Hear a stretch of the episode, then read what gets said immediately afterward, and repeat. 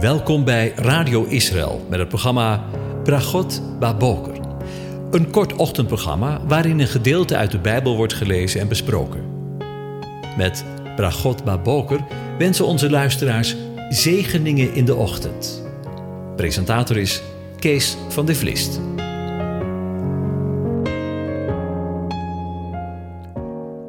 Goedemorgen, Bokatov, beste luisteraars. Vanmorgen gaan we weer verder met na te denken over Psalm 96. Ik lees de eerste zes versen aan je voor.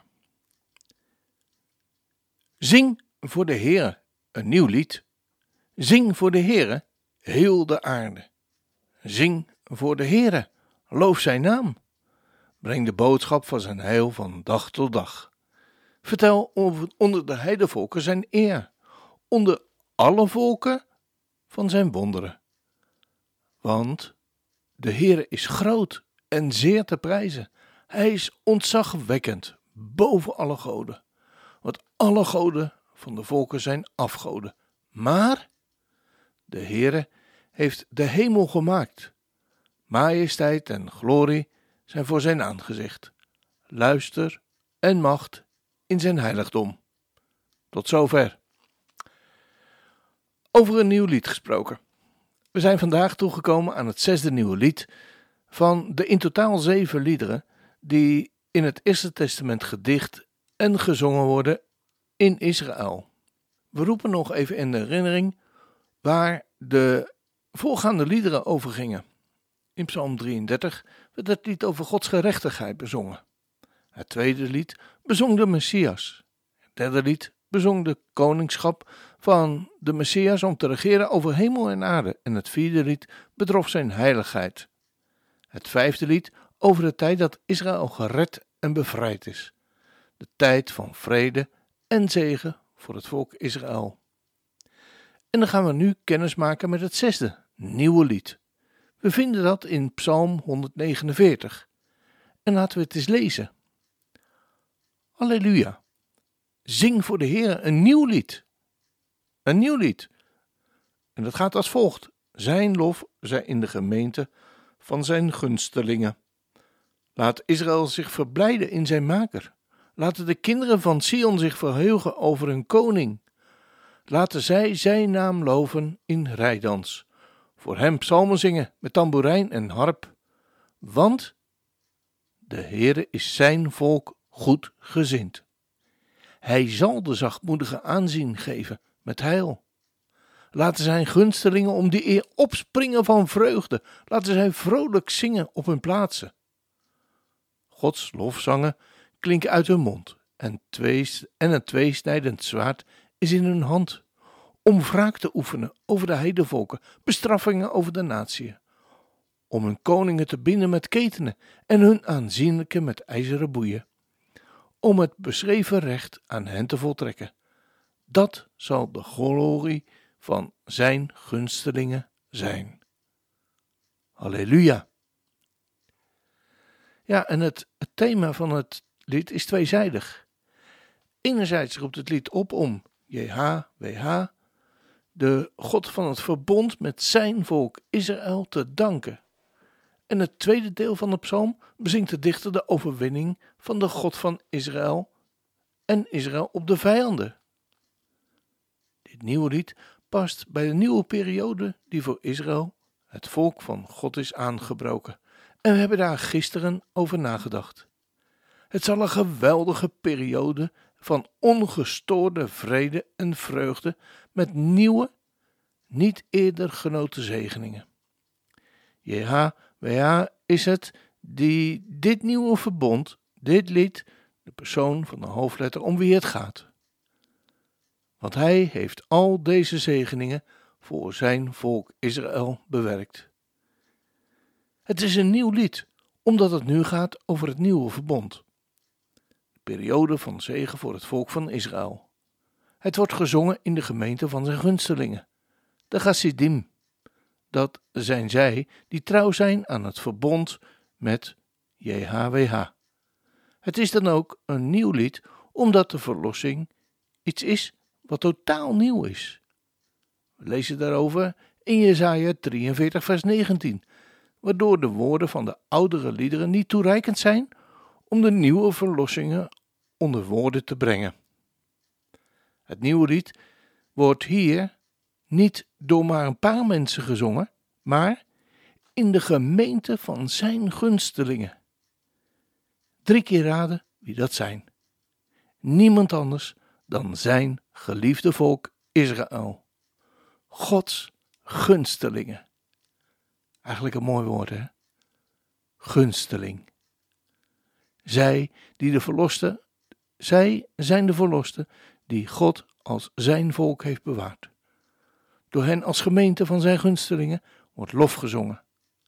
Zij zijn het verbondsvolk, de gemeente van de rechtvaardigen.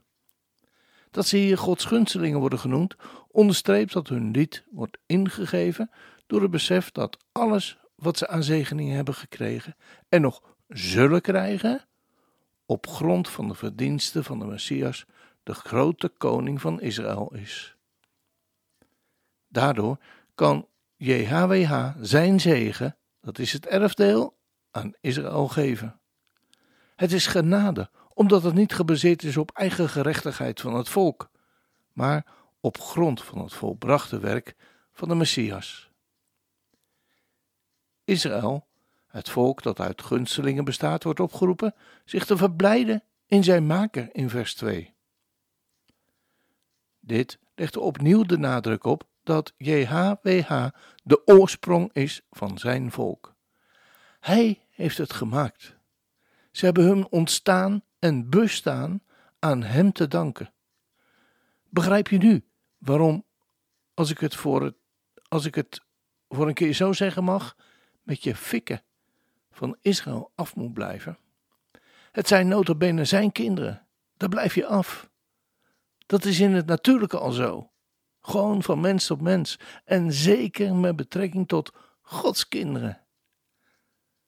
Anderen, vreemden, moeten van je kinderen afblijven. En wij, de volken, kunnen naar ons goed dunken, maar Israël bestoken, bespotten, in gaskamers duwen en bommen en granaten op afsturen en onschuldig veroordelen. Doe even normaal, zeg. Citeer ik dan maar onze premier Rutte.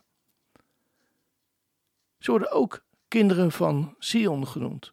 Dan, dat herinnert eraan dat ze naast de Sinaï, de berg van de wet, zijn verbonden, maar met de berg Sion, de berg van genade, die hier als moeder wordt voorgesteld in Jesaja 66 vers 8. Ze zijn genaderd tot de berg Sion, zegt Hebreeën 12 vers 19 tot 25. En met de berg Sion is het ook koningschap van Yeshua verbonden, volgens Psalm 2 vers 4. Daarom worden ze opgeroepen om zich te verheugen over hun koning, wie over hen regeert. Hij woont in hun midden. Hij leidt hen en hij beschermt hen en zegent hen met een overvloedige zegen. Als dat geen zegen is.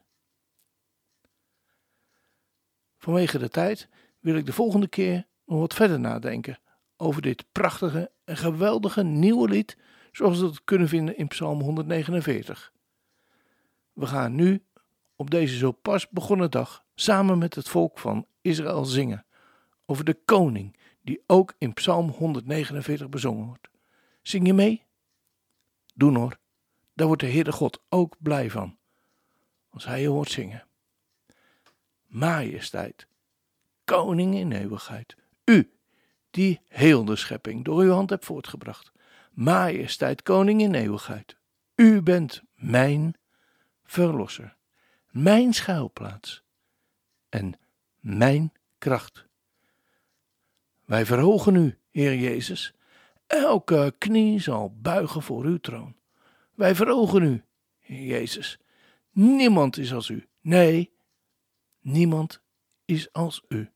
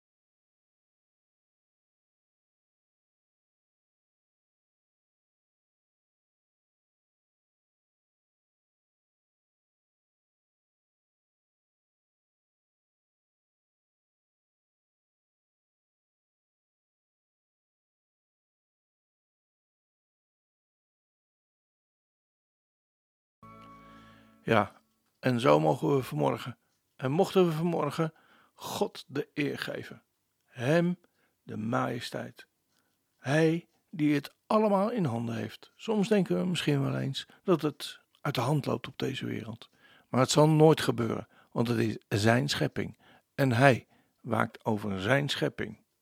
En niet alleen over zijn schepping in het natuurlijke, maar ook over jou als schepsel. Als dat geen zegen is. We gaan eindigen. En ik wens jullie God zegen toe. De Heer zegene en hij behoedt je. De Heer doet zijn aangezicht over je lichten en zij genadig. De Heer verheft zijn aangezicht over je en geeft je zijn shalom, zijn vrede. Amen.